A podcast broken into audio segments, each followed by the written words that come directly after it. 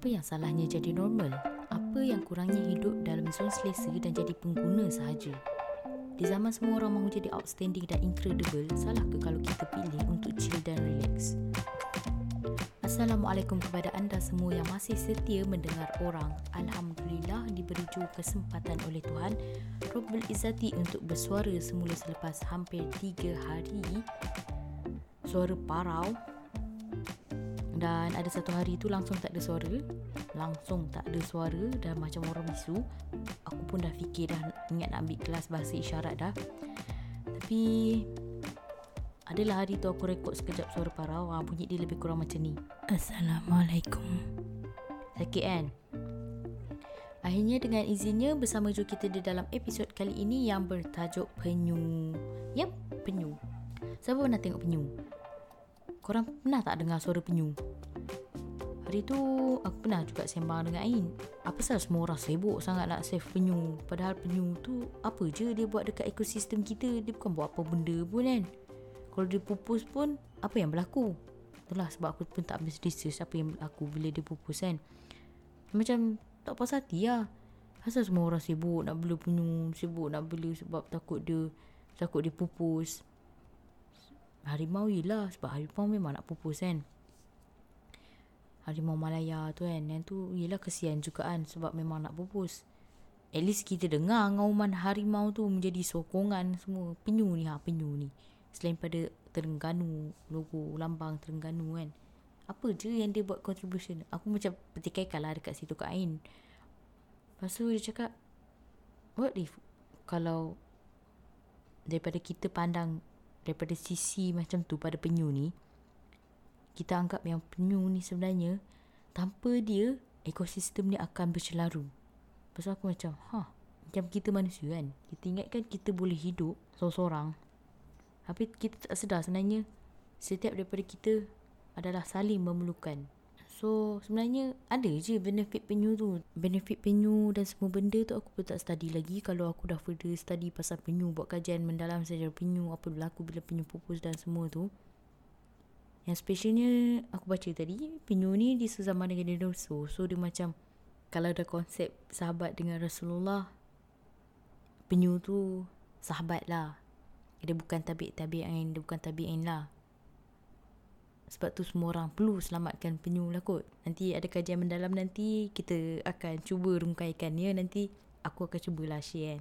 Lepas tu ni lah antara benda yang aku sempat lah interpret daripada teori pelangi, teori jambatan kaca, teori teori ialah salah satu teori penyu, teori lumpur, teori ha, teori apa lagi hari tu? Macam-macam lah. Berepek lah falsafah kau ni. So, bunyi dia macam ni. Hidup ni kalau dihujah nescaya berjuta teori akan terkeluar. Salah satunya teori penyu. What if hidupnya kita macam penyu? yang tak tahu bezakan obor dan plastik. Yang tahu perut lapar, mulut harus disuap. Bila mati tersalah telan, salahkan orang yang membuang sembarangan. Apa sebenarnya kontribusi penyu pada ekosistem sampai terpaksa dipelihara? Sampai bila nak hidup macam penyu? Meraih nasib agar dipelihara.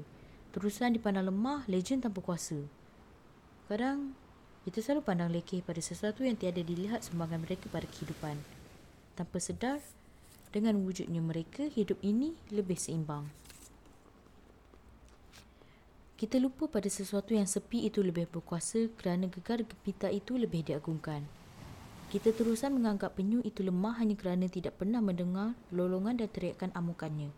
Bagaimana suara penyu? Jadi, saat dirimu merasa tiada kebergantungan harapan seperti penyu minta dipelihara, ingatlah, Tanpa kamu, mungkin dunia kan huru-hara walau tidak mencetuskan perang sejagat. Hanya kamu tahu dunia mana tercipta untuk hidupmu. Dunia itu satu. Tanpa memilih ranjangnya saja, ada 73 pintu. Ini baru teori penyu. Teori hidup yang lain banyak lagi tidak terkupas. Kuncinya perspektif, kawan. Sudut pandangan. Jika akal kita sejengkal, dikail dalam mana sampai bila tidak akan bertemu jawapan. Jadi, jatuhlah ke lohong gelap tidak buat orang itu lebih dalam. Agar kamu tahu apa itu erti penyu di dasar lautan. Coretan 18 Jun 2019, pukul pukul 1 pagi. Apa yang korang faham tentang penyu ni sebenarnya?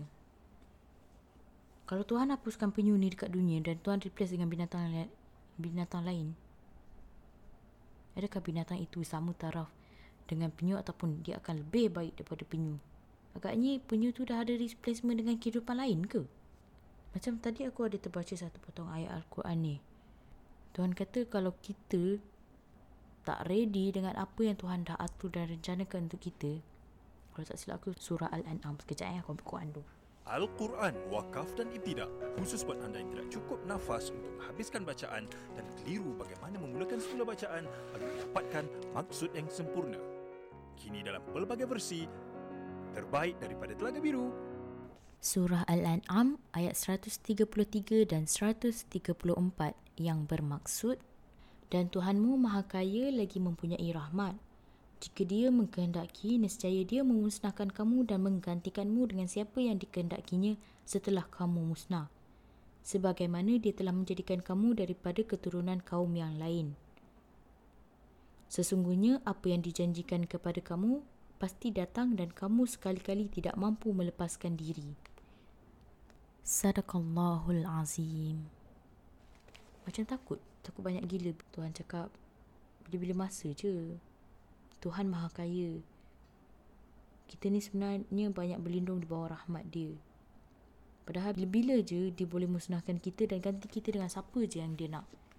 Kalau kita lambat sangat bertindak dalam membuat pembaikan yang dia hendakkan. Tak lama lagi season 1 ni nak habis. Season percubaan untuk aku mulakan podcast ni. Tak baik benda pun aku nak share sebab aku pun ilmu cetek lagi. Aku bukan ustazah. Aku hanya seorang manusia yang hidup suku abad. Suku abad eh. Tak tahulah. Tapi dah rasa diri tua sangat. Masih lagi mencari, mencari, mencari, mencari. Kadang tu give up, kadang tu bangun. Korang pernah rasa macam tu? Ada satu masa macam bersemangat nak kejar semua benda. Tapi dekat satu point kau akan terfikir, kenapa aku buat semua ni? Kenapa aku nak kejar dunia pada dunia akan fana? Kenapa? Kenapa? Kenapa? Dan macam-macam kenapa yang menyebabkan kau rasa macam Dah aku tak nak buat semua benda ni. Lepas tu kau jumpa satu komuniti yang ajak kau untuk sama-sama bangkit, stabilkan dunia akhirat. Dan kau rasa amazed dengan benda macam tu. Dalam dalam kau ikut dia orang, kau percaya dia orang, tapi kau tak tahu benda tu betul atau tak. Semuanya kau serah pada dia. Sebab walaupun kita buat perancangan itu ini itu ini, hakikatnya Jalan tu dia dah sedia. Rail tu. Macam kita main kereta Kita je bawa kereta tu. Elok tak elok je. Accident tak accident je Kereta yang kita bawa dalam game tu. Sebab kita tak nampak apa jalan kat depan tu Tapi Tuhan dah create dah Jalan kat depan tu. So salah ke kalau kita tengok orang yang chill-chill Relax? Just nak jadi employee Nak jadi pekerja biasa.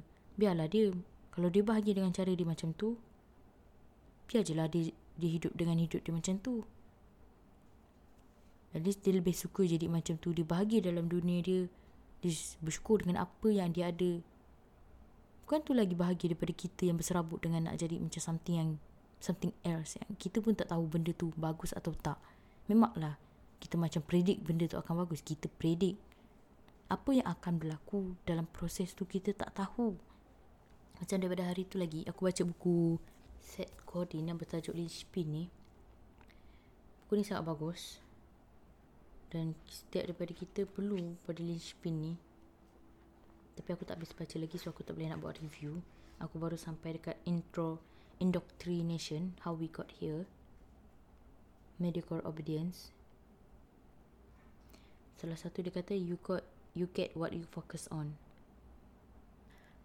InsyaAllah lepas aku habis baca nanti Aku akan buat review mengenai buku tersebut Dan kenapa setiap orang wajib baca tulisan daripada set kodin ni Konklusinya, setiap orang dia ada kelebihan masing-masing. Dan setiap daripada sekecil-kecil sarang yang Tuhan ciptakan itu, tak ada satu pun yang tak bernilai. Semua ada fungsi dia yang akan menstabilkan ekosistem universe ni semua. Tahu tak tahu saja kita. So, sebagai manusia jangan pernah berhenti untuk mencari potensi diri dan jangan Jangan biar diri kita berada dekat takut yang sama. Walaupun kita selesa kat zone tu, at least setiap hari tu mesti ada improvement. Jangan jadikan diri kita hanya sekadar mesin yang hidup ikut pada sistem. Jadilah seperti abid di malam hari dan singa di siang harinya. Pahlawan moden semua orang boleh jadi. InsyaAllah bersama-samalah kita menjadi Sri dan pahlawan akhir zaman. Apa jua status kita daripada sekecil-kecil semut sehingga dipelihara seperti penyu dan sebesar-besar dinosaur yang besar-besarnya pun tidak kekal lama sehingga akhir zaman setiap yang bernyawa pasti akan mati so aku pun tak tahu aku merepek apa lagi panjang so kita sampai sini saja untuk episod penyu kali ini aku harap korang pun dapat bersama-sama study tentang penyu ni hashtag save turtle pertama berhenti guna straw yang kedua, berhenti guna plastik. Yang ketiga, jangan pernah berhenti mencari potensi diri sehingga kita berjumpa pada yang hakiki. Yang jenis diserap, yang keruh dibuang, yang baik itu datangnya dari Tuhan dan setiap kelemahan itu datangnya daripada diri hamba yang doaif ini. Anda sedang mendengar orang Hashtag The Uprising of Nonsense bersama Sophie Adi. To the end, moga husnul khatimah. Adios amigos sajen illa liqa wa ma'a salamah.